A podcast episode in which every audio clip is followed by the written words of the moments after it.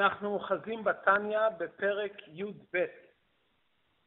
פרק י"ב הוא פרק מאוד יסודי בספר התניא, מכיוון שפרק י"ב בעצם מדבר על הבינוני. בספר התניא נקרא בשם ספר של בינונים. עד כאן דיברנו על הנפש האלוקית, על הנפש הטבעית, על הלבושים, על הכוחות, על המושג קליפת נוגה, ג' קליפות הטמעות. דיברנו מה זה צדיק גמור, מה זה צדיק שאינו גמור, מי הם הנקראים בני עלייה וכולי. בעצם זה הקדמה כדי לבאר מיהו האדם ולהיכן האדם צריך לשאוף. מידת הבינוני היא מידת כל אדם. נאמר בקצרה את ההגדרה של בינוני, שהיא הגדרה מאוד מעניינת ומאוד חיובית, שכל אחד מאיתנו יכול להרגיש ולדעת שהוא יכול להיות במקום הזה.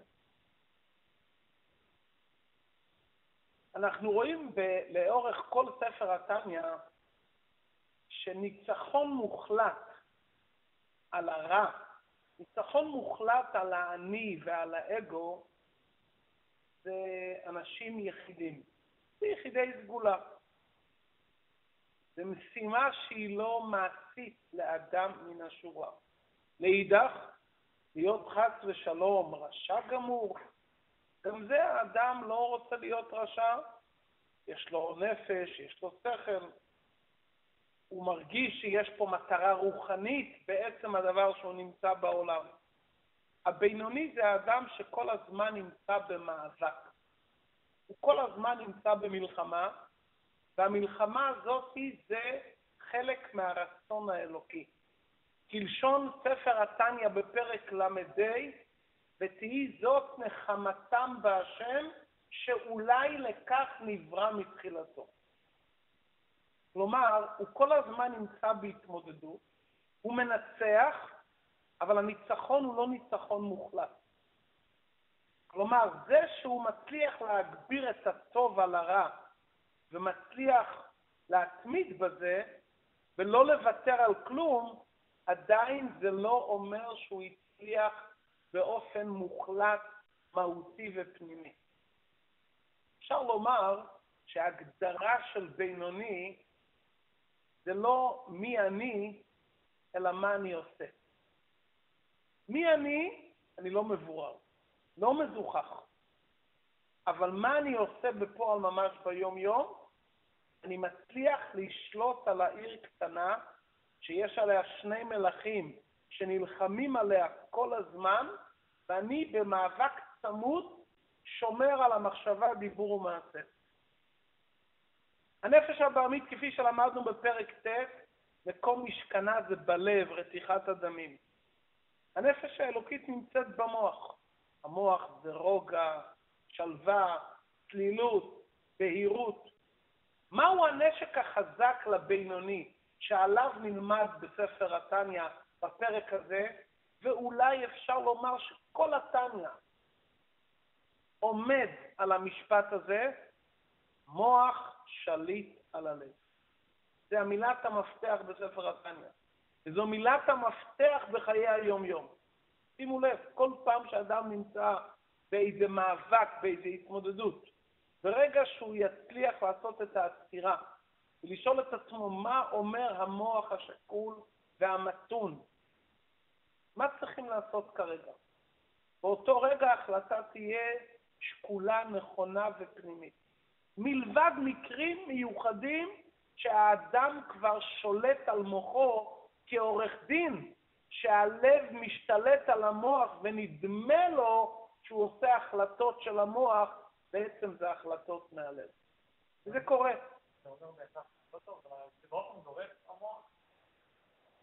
באופן... דבר ראשון המוח. המוח הכוונה לומר, אתה בודק מה אומרת הנשמה האלוקית שנמצאת במוח, ולפי זה אתה חושב מה עליך לעשות. המוח זה המקום של משכן הנשמה והנפש האלוקית. אתה שואל את עצמך, אם אני עכשיו מראיין את הנשמה שלי, שהיא חלק אלוקה ממעלה ממש, ועליה נאמר בנים אתם להשם אלוקיכם, והיא חבוקה ודבוקה בך. מה היא אומרת לי כרגע? מה עליי לעשות? בוא נשאל אותה. בוא נשאל. אני עוד לא מחליט להקשיב, אבל בוא נשאל אותה מה היא אומרת. אתה תשמע קול שקול ומתון. רגע, רגע, מה הנשמה אומרת? הנשמה היא חלק מהקדוש ברוך הוא.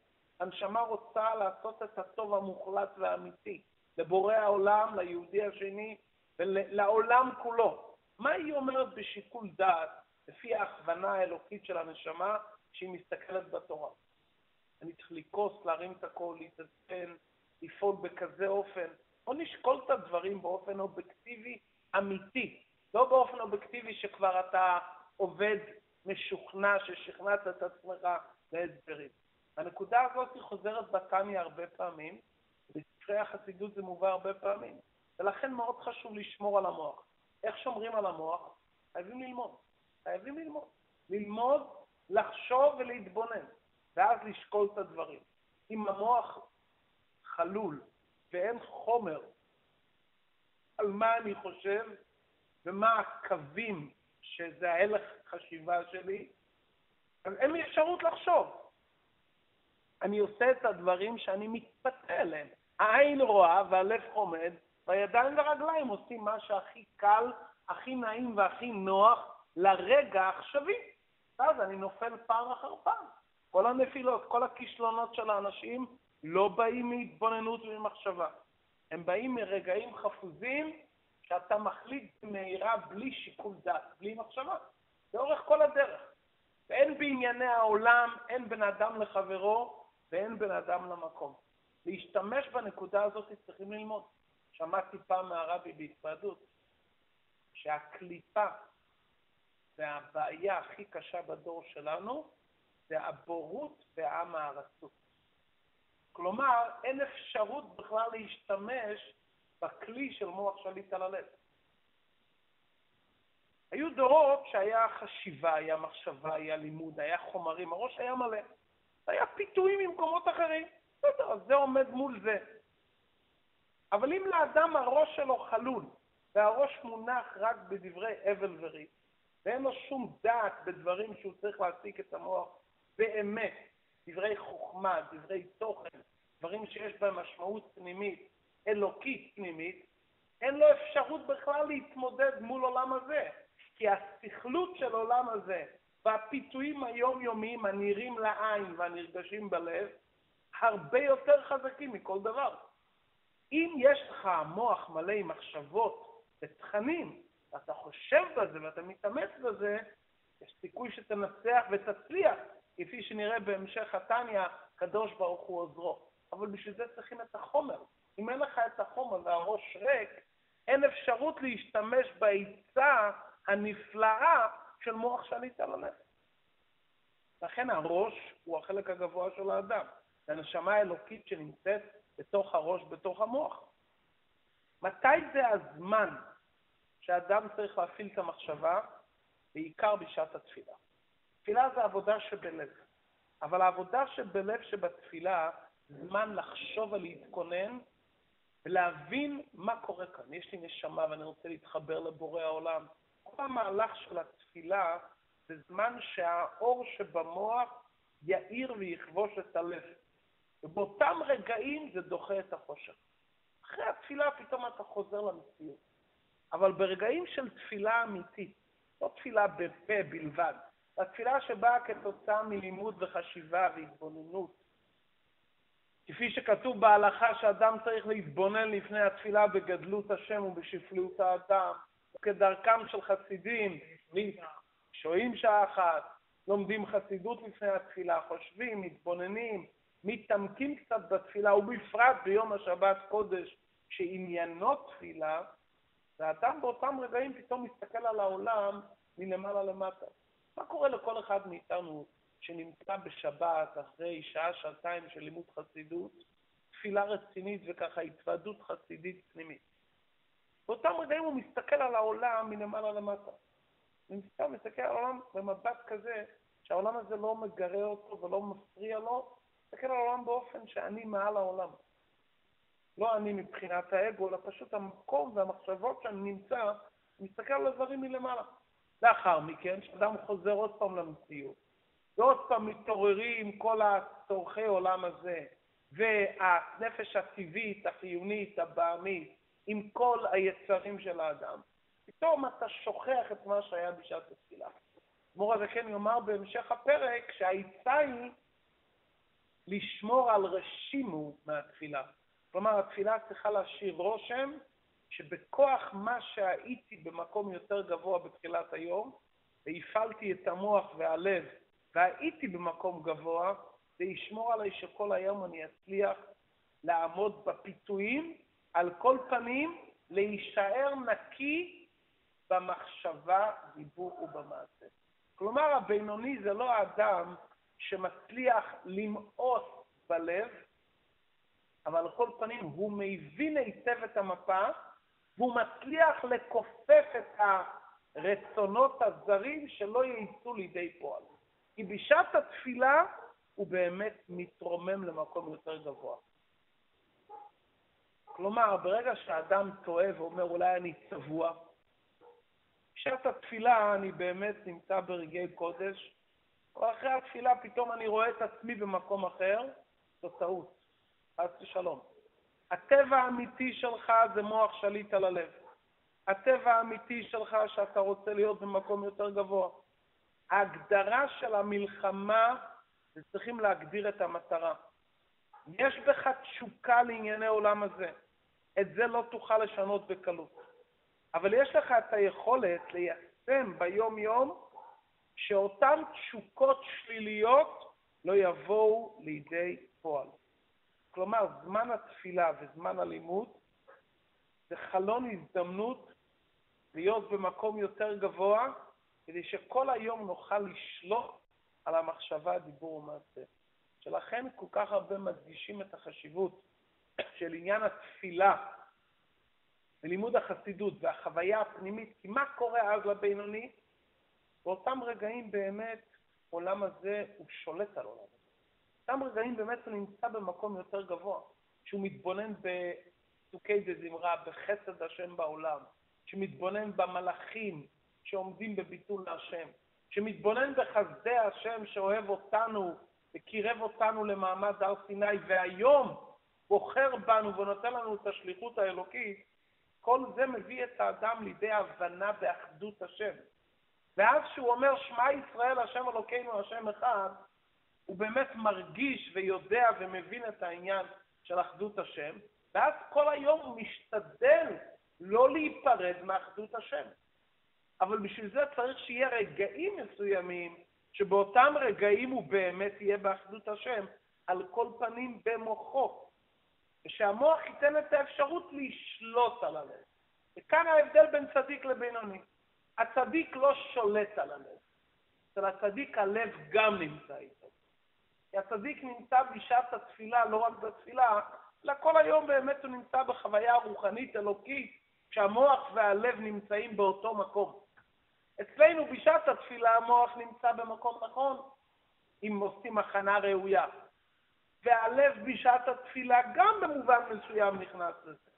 אבל אחרי התפילה פתאום הלב רואה את העולם הזה. ואז התפילה עוזרת לי רק לשלוט על הלב. מוח שליט על הלב. מוח לא הופך את הלב. אצל צדיקים, שהם נשמות גבוהות יותר, והם באמת דבוקים בהשם, המוח לא רק שולט על הלב, המוח והלב נמצאים כאחד.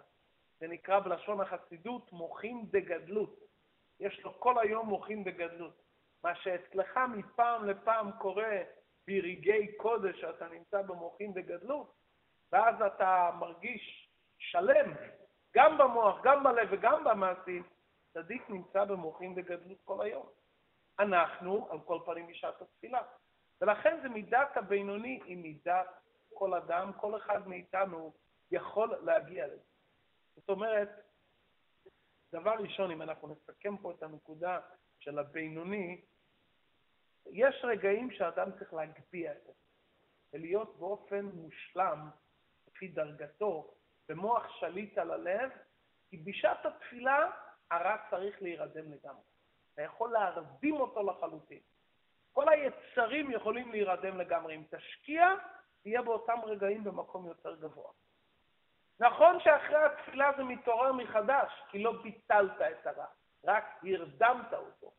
בסדר, אבל זה שהצלחת להרדים אותו בשעת התפילה, זה יעזור לך כל היום על כל פנים להיות במקום הנכון. זה נקודת פרק י"ב ופרק י"ג, כלומר, הנקודה לאיפה האדמו"ר הזקן עכשיו חותר, להראות לכל אחד מאיתנו שהוא יכול להיות בינוני. וכאן בעצם בפרק י"ב זה התשובה לשאלה בהקדמת התניא. מה היה בדף השער השאלה? שרבינו אומר, כי קרוב אליך הדבר מאוד בפיך ובלבבך לעשותו. שאל אדמו"ר הזקן, איך הוא קרוב מאוד? מה קרוב מאוד? מה קרוב? תרי"ג מצוות זה קרוב? מה התשובה? החלק המעשי של השמירה על המחשבה, דיבור ומעשה, אם תתבונן ותחשוב, זה קרוב אליך. קרוב. אם לא תתבונן ולא תחשוב, אתה צודק. זה לא יכול להיות קרוב אליי, איך זה יהיה קרוב אליי? זה מאוד קשה. תרי"ג מצוות, איך אני יכול לעמוד בכל התרי"ג מצוות? אבל אם תשתמש בקוד הטבעי, אגב, הקוד הזה של מוח שליט על הלב, הוא לאו דווקא אצל יהודים, הוא אצל כל אדם. כל אדם שחושב ומתבונן ומשתמש במחשבה והתבוננות לדברים נכונים, אמיתיים, פנימיים, הוא יצליח לשלוט על ליבו. זה עבודה של האדם בעולם. אחרת מה ההבדל בין אדם לבהמה? בהמה לא מצליחה לשלוט, כי המוח והגוף והזנב הם באותו גובה. והבהמה מעולם לא ראתה את השמיים. איך היא תצליח לשלוט על מה שמתחשק לה? אבל האדם שהוא נברא שהמוח נמצא למעלה, הוא יכול להסתכל לכיוון שמימי, הוא יכול להרים את העיניים. שאו מרום עיניכם וראו מברא אלה. איזו חכם הרואה את הנולד. הוא יכול יותר ויותר להעמיק בדברים הללו, הוא יכול לשלוט. גם גוי יכול לשלוט על הלב שלו, בתנאי שישתמש במוח. המוח זה, זה מתנה, אבל צריכים להשקיע בו. זה, זה, אדם אומר, זה לא מצליח לי. כדי שלא יצליח, אתה צריך להגיד, התאמצתי וניסיתי, וזה לא הצליח. אם אתה לא משתמש במוח לחשוב, ללמוד ולהתבונן, ולהסתכל ולבחון את הדברים, זאת אומרת, העולם הזה יותר קשה עליי, והעולם הזה יותר מפתה. אתה צודק. העולם הזה יותר מפתה, מתי שאתה לא משתמש עם המוח. אבל אם תשתמש עם המוח ותעשה כן עבודה עם זה, ועוד פעם תחשוב ועוד פעם תתבונן, לפני שאתה אומר, לפני שאתה מדבר, לפני שאתה חושב, תתבונן, אתה כן תצליח. להשתמש בזה. אם לא משתמשים, אתה יכול לעמוד ליד אוצר ואתה לא משתמש בו, אז אתה העני הכי גדול. ואתה יכול להשתמש באוצר ואז תצליח. מוח שליט הלב זה מתנה. נכון שהסכלות של עולם הזה מפתה, אבל היא מפתה רק מי שלא משתמש בקוד של מוח שליט הלב. נראה בהמשך הפרקים שאצל רשעים, לצערנו, מגיעים לכזה מצב שהמוח כבר נשלט על ידי הלב, ובלשוננו זה כבר התמכרות.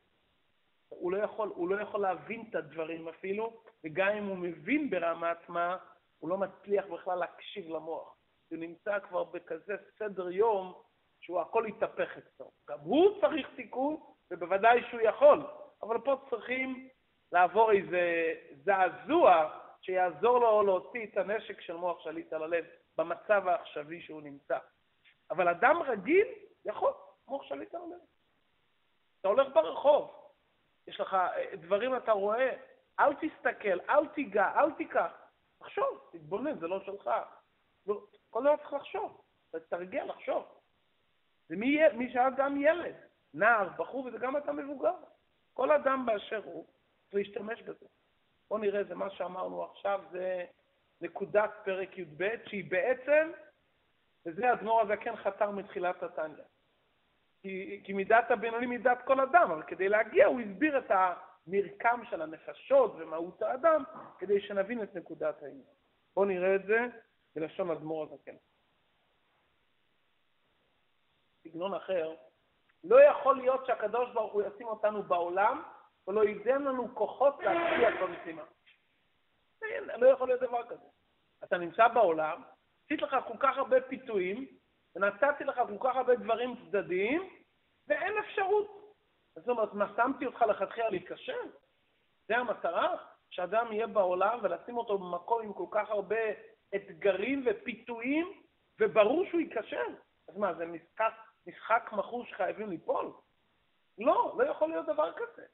אם הקדוש ברוך אומר, ראי נתתי לפניך את החיים ואת הטוב ואת ההפך, הוא אומר, אבל ראה, ראה, תתחיל לחשוב, תראה בעיני השכל, תתבונן, תבין. אם תחשוב ותתבונן, אתה תצליח לבחור בחיים. אבל אם אתה לא רואה ולא מתבונן בעיני השכל, אז זה מובן שאדם יכול ליפול.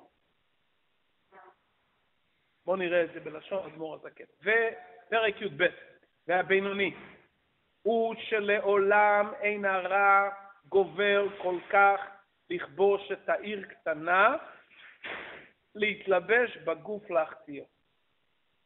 הבינוני הוא האדם שאין לו שום חטא ועוון, כי הנפש האלוקית שלו בתוקף שולטת על הרע של הנפש הבעמית, הוא תמיד מתגבר על הנפש הבעמית. דהיינו, מה הכוונה התגברות? ששלושה לבושי נפש הבעמית, שהם מחשבה, דיבור ומעשה, שמצד הקליפה אין גוברים בו על הנפש האלוקית להתלבש בגוף, במוח ובפה ובשאר רמ"ח איברים, להחטיאם ולתמם חס ושלום. דיברנו שלכל אדם יש שלושה לבושים. אצל הבינוני, הלבושים הללו לא מתגברים על הנפש האלוקית. למדנו הרי שלכל אדם יש עשרה כוחות, שלושה כוחות השכל, חוכמה, בינה, דעת ושבע מידות. יש לו מחשבה, דיבור ומעשה. הוא תמיד, הנפש האלוקית מנצחת ולא נותנת לנפש הבעמית להשתלט לא על המחשבה, לא על הדיבור ולא על המעשה. מה כן? רק שלושה לבושי נפש האלוקית הם לבדם מתלבשים בגוף, שהם מחשבה, דיבור ומעשה של תרי"ג מצוות התורה. אתה שואל אותו, מה אתה חושב עכשיו? אני חושב איך לעזור ליהודי שני. מה אתה חושב עכשיו? איך אני מבין את הפסוק הזה בתורה. מה אתה חושב עכשיו? איך לי, לעזור לילדים שלי במה שהם צריכים להכין לבית ספר. הוא חושב כל הזמן על דברים חיוביים שקשורים עם השליחות האלוקית שלו. חינוך הילדים, פרנסת בני ביתו, באופן המותר על פי שולחן ההוא, בזה הוא עסוק. מה אתה מדבר? דיבורים של אהבת ישראל, דיבורים של חיבה, דיבורים של קירוב, וכל שכן דיבורים של מצווה ודיבורי תורה. מה אתה עושה? תעסק בעניין של מצוות. זה מה שהוא עושה. בכל רגע נתון, בזה הוא נמצא. הוא מתעסק עם... זה בינוני. בינוני זה אמצע להגדיר אותו? כן. אז איך אפשר להגדיר אותו כצדיק או רצה? כי כל התיאור שאמרת על של אדם שהוא ממש צדיק. כל היום הראש שלו במקומות כאלה טובים וזה, אם אמרת שהעניין של הבינוני, שהנפש הבעמית לא משתלט על הנפש האלוקית, אפשר להגיד את זה גם הפוך. שגם הנפש האלוקית לא משתלטת על הבעמית. לא זה, לא. דיברנו בתחילת התניא, בשיעורים הראשונים, שאם אדם עושה מעשה אחד נגד רצון השם, באותו רגע ובאותו מעשה הוא נקרא בשם רשע. מעשה אחד. ברגע שנפרדת, אותו רגע. דיברנו, מה שאתה אומר זה נקרא בינוני בלשון העולם. בלשון העולם בינוני זה 50-50, אבל בהגדרות של ספר התניא, בינוני זה אדם ששומר על הלבושים ועדיין לא הצליח לעשות שליטה מלאה בלב או במוח. אבל הוא כל הזמן. עכשיו, הוא מפעם לפעם יכול להיות שהוא מועד בטעות, אבל הוא כל הזמן נמצא על המשמר. אם אתה נמצא על המשמר ואתה במאבק, אתה בדרך של הבינוני. אם אתה נותן לדבר מסוים אדישות, אתה אומר, תשמע, זה אני לא יכול. מה שאתה מוכן להיכנס לאדישות על דבר מסוים, באותו רגע ירדת מבינוני לפחות לרשע. אם אתה מוכן להיות אדיש על אחד מהלבושים להיפרד מהשם, באותו רגע ירדת ממדרגת הבינוני. בינוני כל הזמן עומד על המשמר, מחשבה, דיבור ומעשה רוצה להיות רצון השם. משתדל, משתדל, כל הזמן משתדל. לפעמים נופלים לו מחשבות, הוא אומר, רגע, אז מה אני חושב לך? הוא דוחה אותם. בסדר. האדם לא יכול לשלוט מאה אחוז על המחשבה. ברגע שהוא נזכר, הוא אומר, אז מה אני חושב עכשיו שטויות? זה לא מתאים לי, אני יהודי שעובד את השם, אני יהודי שאני נמצא. לא, הוא דוחה, בסדר. הוא כל הזמן עומד על המשמר. הוא זוכר לעמוד על המשמר, זה עושה אותו כאדם שרוצה ומשתדל להיות בינוני, כי הוא כל הזמן עומד על המשמר. ולא עבר עבירה מימיו ולא יעבור לעולם. מה הכוונה ולא עבר ולא יעבור? כאן הרבי מסביר באריכות. לא הכוונה שהוא לא עבר אף פעם. אם הוא עבר פעם אחת אז גמרנו לא יכול להיות בינוני. הכוונה לומר שלפי המצב הנפשי שלו, כרגע, כרגע הוא לא שייך לעבירה לא בעבר ולא בעתיד. כלומר, כרגע כשהוא נמצא ברגע של המאבק, הוא נמצא במצב נפשי כזה שמופרך אצלו עניין של עבירה. אתן דוגמה. יש מישהו ביום הכיפורים שרוצה לאכול, אין דבר. יהודי שומר תורה ומצוות, מושלל ממנו לאכול ביום הכיפורים. גם כשהוא רעב, הוא אומר, אני רעב, אבל אין לי שום מחשבה שאני הולך לאכול בפועל. זאת אומרת, הוא נמצא ברגעים כלל, כאלו, שבאותם רגעים מושלל ממנו לאכול. תשאל אותו, אז מה, אתה לא רעב? אני רעב, אבל לא עולה בדעתי לאכול עכשיו. זה הבינוני. תשאל בינוני, מה, לא מתחשק לך לעבור שום עבירה? לא מתחשק לי, אבל אני לא אעשה את זה בשום פנים ואופן. כי מושלל אצלי לעשות נגד רצון השם. בלב יש לי איזה חשק לזה, אני אגיד, מה, לא, לא מתחשק לי? שום דבר מהשטויות של העולם הזה, מה, אתה מופרש? אין לך יצר? יש לי יצר. אבל זה שיש לי זה לא אומר שאני חושב לעשות משהו בנידון, חס ושלום. ברור לי שלמרות שיש לי יצר, אני מתמודד ונלחם איתו.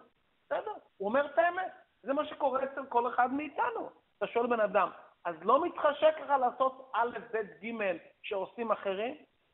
אומר, אגיד לך שאני לא מתחשק לי ואני מואס בזה בתכלית? אני לא יכול להגיד, זה צדיק שיגיד פשוט, זה מאוס עליי, אני לא מתחשק לי, שום דבר מכל העניינים המותרים והאסורים מענייני העולם הזה.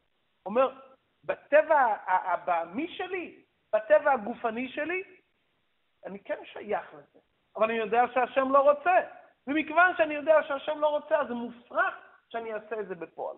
הפרחה זה מהמצב הנפשי שהוא אומר, בפועל זה לא יקרה. אז כרגע, במצב שהוא נמצא כרגע, הוא אומר, אני לא רוצה לעשות את הדברים הללו. וברור שגם אם קרה לו, דיברנו על זה באחד השיעורים, צריך לצבור רגעים, שעות להיות בינוני. אני כרגע, היה לי יום, שהיום הזה, ברוך השם, שלטתי מחשבה דיבור מעשה. היה לי כמה שעות שהיה אצלי מופרך. אז באותם רגעים שמופרך אצלך, באותם רגעים אתה נמצא במשפחה של הבינונים. כי באותם רגעים אתה מופרך אצלך כל הדברים הבלתי רצויים. כן, שאדם לא ייפול ברוחו, שכתוב פה לא עבר ולא יעבור, אז אם פעם אחת עברתי אני כבר לא שייך. אין הכוונה לזה. האדמו"ר הזה כן כותב בפירוש בהמשך התניא, שהבינוני, גם שהוא נזכר בחטאים שהוא עשה, הוא עדיין בינוני. אומרת, לא מדובר פה על מצב נפשי שבאותו מצב כרגע מופרך אצלו העניין לפי המצב שהוא נמצא כרגע מצליח לעמוד. ראשית כל, שאומרים שכל הגדול מחברו יצרו גדול ממנו, הכוונה לומר, ההתמודדויות שלו הן בדברים שונים לחלוטין ממה שאצלנו. עץ הרע בא אליו בדברים מאוד מאוד גדולים. מה הכוונה בדברים מאוד גדולים? אצל אדם מן השורה, העץ הרע לא בא להגיד לו, תשמע, אתה מחזיק טובה לעצמך על משהו, לא מחזיק טובה לעצמך, אתה קצת רוצה להרגיש טוב? תשמע, אני מרגיש טוב שאני עושה דברים טובים. אדם שהוא גדול, אז יצרו גדול ממנו מדברים מאוד גדולים ואיכותיים. הבדיקה והמבחן שבוחנים אותו, בוחנים אותו בדברים מאוד מאוד גדולים, לא בדברים מהותיים קלים שנמצאים ביום-יום. גדול ממנו, גם יש לו שערה גדול אחר. בודקים אותו בדברים אחרים לגמרי, לא בדברים רגילים שאדם נמצא. רק רגע, רק רגע, רק רגע. והלשון של חז"ל זה לא צדיק. לא כתוב מי שצדיק. כל הגדול מחברו הוא גדול ממנו.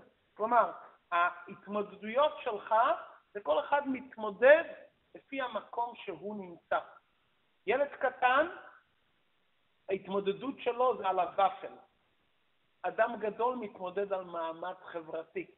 אז כל הגדול מחברו יצרו גדול ממנו. היצרים של האדם גדלים לפי המהות הרוחנית והנפשית שהוא נמצא. זה באנשים רגילים, זה כולל את כל אחד מאיתנו, את כל הבינונים, מהבינוני למטה, הבינוני למעלה.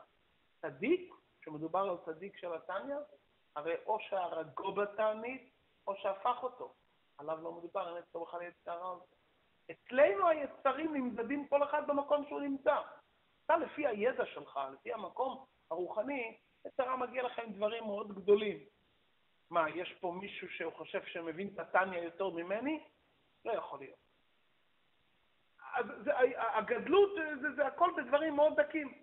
אדם רגיל אומר, תשמע, שידע יותר טוב ממני את הטניה, את הגמרא. העיקר שלא ייקח לי מהחנייה שלי ולא ייקח לי חמש, עשר. ילד קטן אומר, העיקר שלי גל במשחק שלי. היצר גדול אצל כל אחד במושגים שהוא נמצא באותו מקום. וכל אחד לפי עניינו, לפי המעמד הרוחני והנפשי שלו, לפי זה היצר עומד מולו.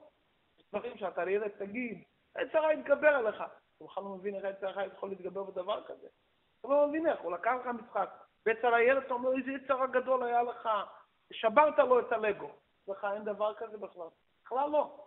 לך זה יכול להיות במחשבה. במחשבה אתה שובר לו את הלגו. אה, מה יש לך? כלום. איזה טייס, האדם הזה בכלל לא בן אדם, כל היום אוכל. אתה מבטל, אז זה צרה גורם לך, הביטול, לבטל אותו. אז המתמודדות שלך זה מאוד ברמה הרוחנית שלך, אבל עוד פעם, זה כל, הכל זה זה במרווח של הבינונים. אם מדובר על צדיק של התניא, שהפירוש צדיק של התניא מתחיל להיות צדיק שהוא מואס ברע, הוא אוהב את השם, אז הוא מואס ברע ואוהב את השם, אז עץ הרע אצלו לא נמצא. אנחנו נמצאים במקום שעץ הרע נמצא, וזה 99% מהאנשים. ומהם יש לקדוש ברוך הוא נחת רוח. מאותם אלו שצריכים להתמודד ביום-יום עם היצרים, והיצר גדול, כל אחד לפי עניינו.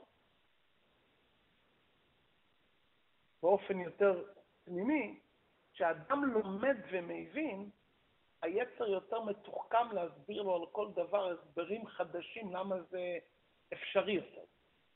כל הגדול מחברו, אדם רגיל, תשאל אותו, נכשלת בדבר, הוא אומר, תשמע, נכשלתי. אדם שהוא גדול, אז מתפתח אצלו הסברים וביאורים, ואתה שומע כאלו דברים. כיוון שהוא אדם גדול, היצר הולך איתו בדברים גדולים, כלומר, בהסברים, בנימוקים, אדם פשוט אומר, תשמע, טעיתי, זה לא היה בסדר, אני יודע, אבל נכשלתי. עד שאדם גדול מצליח לחזור בטעות שלו, יצר הרבה יותר גדול, הולך איתו הכל בגדול. לא, זה מסודר ומותר, ויש מקרים יוצאים מן הכלל, וגם שמעתי כאלו סיפורים על אנשים שעשו את זה, ו- ותמיד יש מאמרי חז"ל שיכולים קצת, איך אומרים, לתת איזו דחיפה, כי היצר הרע עובד איתו בגדול. למה? הכל מדובר על אדם שיש לו יצר הרע, אז הוא עובד איתו ברמה הרוחנית. הוא לא יגיד לו, אתה גונב כרגע, אתה גונב? אדם פשוט יגיד, הוא אומר, אני גונב, גונב, אין. מה, אני לא גונב, אני רק מעלים פה משהו, ואני מחזיר חוב ישן שהיה לי, וזה, זה, זה, זה, מה, הוא, הוא, הגדול שלו זה עובר לפי המקום שלו. אז ההתמודדות אצלו הולכת במקום הרבה יותר גדול, ברמה אחרת לגמרי, באופן אחר. צריך להיות להיות מאוד עם חוש ריח לקלוט מה שקורה כאן. אבל עוד פעם, הכל מדובר על אנשים רגילים, בינוניים, שבמקום הזה יש את ההתמודדויות. עוד צדיק בלשון העולם. נשאל, ואיך פלוני שהיה איש תלמיד חכם? בסדר, הוא היה תלמיד חכם שיכל להיות בינוני, היה לפעמים בינוני, רצה להיות בינוני. יכול להיות הרי תלמיד חכם גמור, ועדיין הוא בדרגה שפחות מבינוני. הרי על זה אנחנו מדברים כל הזמן, שרמת ידע תורני עדיין לא הופכת אותך במהות לבינוני, או לרוצה להיות בינוני, או לצדיק שאינו גמור וכדומה. כי הידע הוא ידע, יש לך ידע בתורה, אתה עוד עובד עם עצמך לברר ולזכח את המידות. אתה לא משתמש במוחין בגדלות מוח שליט על הלב, אתה משתמש במוח לאגור מידע. בסדר.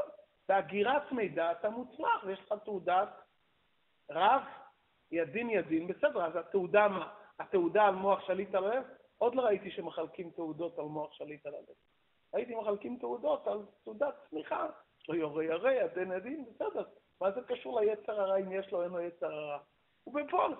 בדרך כלל אדם לומד, אז אנחנו מקווים שהלימוד עשה איזו פעולה פנימית, אבל זה לא בטוח, לא בטוח.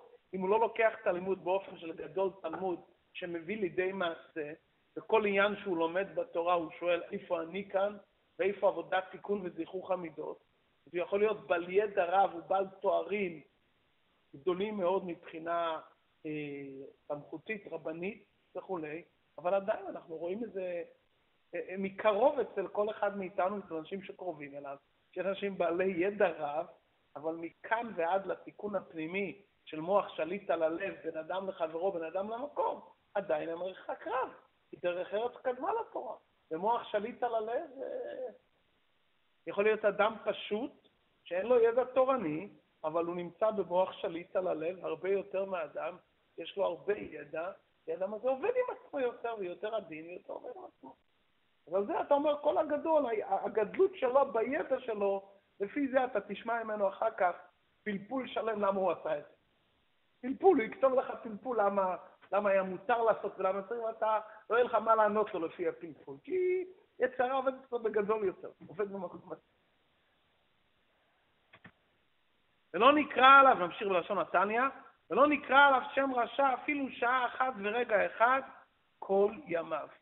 מאחר שהבינוני לא שייך לעניין של חטא, אין נתינת מקום, אז לפי המצב כרגע הוא לא שייך לזה. ולכן הוא לא נקרא רשע כל, אפילו רגע אחד. זאת אומרת, אנחנו חוזרים לנקודה שצדיק ורשע זה מתאר את המצב הפנימי של האדם, מה הנטיות שלו, איפה הוא נמצא. אצל הבינוני יוצא שלא נחלש מאומה, מהחלק הפנימי שלו לא נחלש עדיין מאומה. במצב הפנימי שלו הוא קצת דומה לרשע. במצב הפנימי הוא עדיין נמצא שם. במהות הפנימית הוא עובד בשעת התפילה. אז לכן הוא מצב ביניים בין צדיק לעניין של רשע. מופרך אצלו בפועל ממש, אבל במהות הוא עדיין נמצא בתוך הדברים. אך מהות ועצמות נפש האלוקית, שהן עשר בחינותיה, לא להן לבדן המלוכה והממשלה בעיר קטנה. מחשבה, דיבור ומעשה הוא שולט, אבל כל המהות שלו, שכל ומידות, עדיין לא. הוא לא שולט על המידות שלו, הממשלה בעיר הקטנה זה רק על הלבושים. יש זמנים מסוימים שהוא שולט גם על השכל ועל המידות. מתי? כי אם בעיתים מזומנים כמו בשעת קריאת שמע ותפילה, שהיא מוחין דגדלות למעלה, וגם למטה היא שעת הכושר לכל אדם, שאז מקשר חוכמה מן הדעת שלו להשם, להעמיק דעתו בגדולת אינסוף ברוך הוא, ולעורר את האהבה כרשפי אש בחלל הימני שבליבו, לדופקה בו בקיום התורה ומצוותיה מהאהבה, שזהו עניין המבואר בקריאת שמע דאורייתא. שעת התפילה, שזמן שלמעלה זה עת רצון. כידוע ששעות הבוקר זה שעת חסד למעלה, וזה עת רצון. שעת מוחין דגדלות. מה הכוונה מוחין דגדלות? על כל פנים בקצרה. כל המריבות באים ממוחין דקטנות. גם למעלה, כל הדינים שבאים על האדם, וחס ושלום ממוחין דקטנות. מתי שהקדוש ברוך הוא מסתכל על כולם ממוחין דגדלות, כמו שבמוחין דגדלות אתה יכול ללמד זכות על כל אחד. להבין את המקום שלו, לרומם אותו ולהגביה אותו, אתה במוחין דגדלות. מוחין דקטנות, מיד אתה כועס. גם למעלה יש רגעים של מוחין דקטנות, שזה שעת דין, ואז יכול להיות מצבים שליליים. שעת מוחין דגדלות למעלה, אין מריבה, אתה יכול לסבול את ההפך וללמד זכות. כי אתה חושב על הדברים בעומק, אתה לא דן אותו, אלא אתה בא למקומו הוא, ואתה נמצא באותם רגעים, ברגעים שאתה יכול ללמוד כמו שופט, שאומרים לו, תלמד זכות. והוא בכוח חוכמתו מוצא ללמד זכות. ככה למעלה בשעות הראשונות של היום, זה שעה שהבתי דינים למעלה שופטים עדיין. ולמעלה מאיר החוכמה, בינה, דעת בהתגלות. ש"ס מוחין וגדלות. וגם למטה זה עת רצון. אז שיהודי בבוקר בשעת התפילה חושב בגדלות השם, ומעמיק בעניין של אחדות השם, אז זה משפיע על המידות שלו, ואז ברגעים של הבוקר הוא אומר, תשמע, אין לי חשק. אדם לא קם בבוקר עם רצון של נפש הבעמית לטרוף את כל תאוות העולם הזה. הוא ישן, הוא רגוע, הוא קם נורמלי.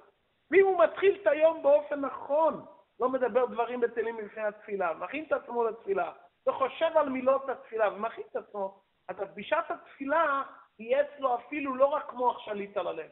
בשעת התפילה הלב אפילו יהיה שותף לזה. וזה יכול לקרות גם אצל הבינוני, שבשעת התפילה שהוא התחיל את היום נכון, אז השעה, שעתיים הראשונים הוא נמצא במצב שהמוח והלב מאוחדים, כי זה מוחין לגדלות. באם התפילה הוא יוצא החוצה, מתעוררים כל מיני דברים, אז הוא צריך לשמור על עצמו. לכן שעת התפילה זה זמן מאוד חשוב. כלומר, יש הבדל מהותי בין הבינוני בשעת התפילה לכל היום. שעת התפילה, המוח והלב שלו מאוחדים, כי זה שעת מוחין דגדלות למעלה. מוחין דגדלות, אין כעסים, אין מריבות, אין דינים, הכל אתה רואה באופן נקי ומושלם. אתה נמצא בזמן שהמוח שולט, אתה רואה את הדברים בעומק. אדם נמצא באיזה מאמר חסידות ומתעמק, ורואה את הדברים בעיני השכל. נפש הבאמית לא מדברת כרגע. היא יושנת, היא רדומה לחלוטין. כי הוא באמת נמצא בתוך המקום הזה. זה מה שצריך לעורר בשעת התפילה. זה נקרא שעת מוחין בגדלות. על זה קיבלנו, מה זה הזמן? בשעת התפילה לקשר את החוכמה בינה דעת, להעמיק דעתו בגדולת, לעורר את האהבה. להגיע לעניין של דבקות בקיום התורה ומצוות. שמע ישראל ואהבת את אשר אלוקיך ודיברת בם, וברכותיה שלפניה ולאחריה של מדרבנן, אין הכנה לקיום הקריאת שמע כמו שנתבהר במקום אחר. ואז הרע שבחלל השמאלי כפוף ובטל לטוב המתפשט בחלל הימני מחוכמה, בינה ודעת שבמוח המקושרים בגדולת אינסוף ברוך הוא. שעת התפילה, ברכות קריאת שמע, פסוקי דזמרה, ההתבוננות שבהם גורם לו להיות קשור למקום הזה, ואז באמת יש לו מלכות בלעדית לנפש האלוקית, כי הטוב של הנפש האלוקית מתגלה במוח ובלב בשעת מעשה, שאז יש כפיפה מוחלטת של נפש הבעמית, היא, היא רדומה, לגמרי רדומה. אבל אחר התפילה, בהסתלקות המוחין וגדלות אינסוף ברוך הוא, הרי הרע חוזר וניאור בחלל השמאלי, ומתהווה תאווה לתאוות עולם הזה ותענוגיו. אחרי התפילה, שאז פתאום הוא חוזר לעולם הזה, ואז זה כבר לא שעת מוחין דגדלות למעלה, אז הכל חוזר בחזרה. אבל בשעת התפילה הוא נמצא במקום של מוח שליט על הלב. זה אדמו"ר הזקן עכשיו פה אומר בהמשך הפרק, וגם אחרי התפילה, מכיוון שהיה לך מוח, מכיוון שבשעת התפילה היה לך מוחין בגדלות, אז רק מפני שלא לבדו משפט המלוכה והממשלה בעיר, אינו יכול להוציא תאוותו מן הכוח לפועל להתלבש באברי הגוף במעשה דיבור ומחשבה ממש, גם אחרי התפילה, להעמיק מחשבתו בתענוגי עולם הזה, איך למלות תאוות ליבו. כאן כתוב המשפט שאמרנו בהתחלה, כי המוח שליט על הלב בתולדותו וטבע יצירתו. אז זה עוזר לך שגם אחרי התפילה, בכוח מה שלמדת והבנת בתפילה, בכוח מה שלמדת בחסידות, בכוח ההבנה העמוקה שהיה לך בעבודת השם, ברגעים שהשתמשת במוח, תצליח להתהפך. שכך נוצר האדם בתולדתו, שכל אדם יכול ברצונו שבמוחו להתאפק ולמשול ברוח תאוותו שבליבו, שלא למלות משאלות ליבו במעשה דיבור ומחשבה. יש לך כוח. בכל עניין, תסיח את הדעת, תעמיק, תחשוב, וגם בענייני עולם הזה. אדם נמצא, הוא מתחיל לחשוב על דברים אחרים. מה קורה כשלאדם כואב הבטן? פתאום כל התאוות לא נמצאים. למה? כי הוא מרוכז במשהו אחר. פתאום הכל נשכח. הוא אומר, יש כזה נפש הבמית קשה. פתאום כואב לו הבטן איזה כאב מסוים, פתאום הכל הולך. יש פה הסחת הדעת לגמרי מאותו עניין. כי באותם רגעים שהוא מוצף, שקוע במוח בדברים אחרים, באותם רגעים פתאום תענוגי עולם הזה נאבדים לחלוטין. אותו דבר בצד הקדושה. תעסיק את המוח בדברים חיוביים של תוכן, באותם רגעים לא יהיה שום קשר לעניין העולם הזה. זה אפילו לגוי, לכל אחד מאיתנו. להסיך את הדעת לחשוב, צריך לדבר על זה יותר באריכות, אבל כאן המפתח, הנקודה הפנימית של מוח שליט על הלב. יעזור השם שיהיה מלך, מוח לב כבד, מוח שליט על הלב.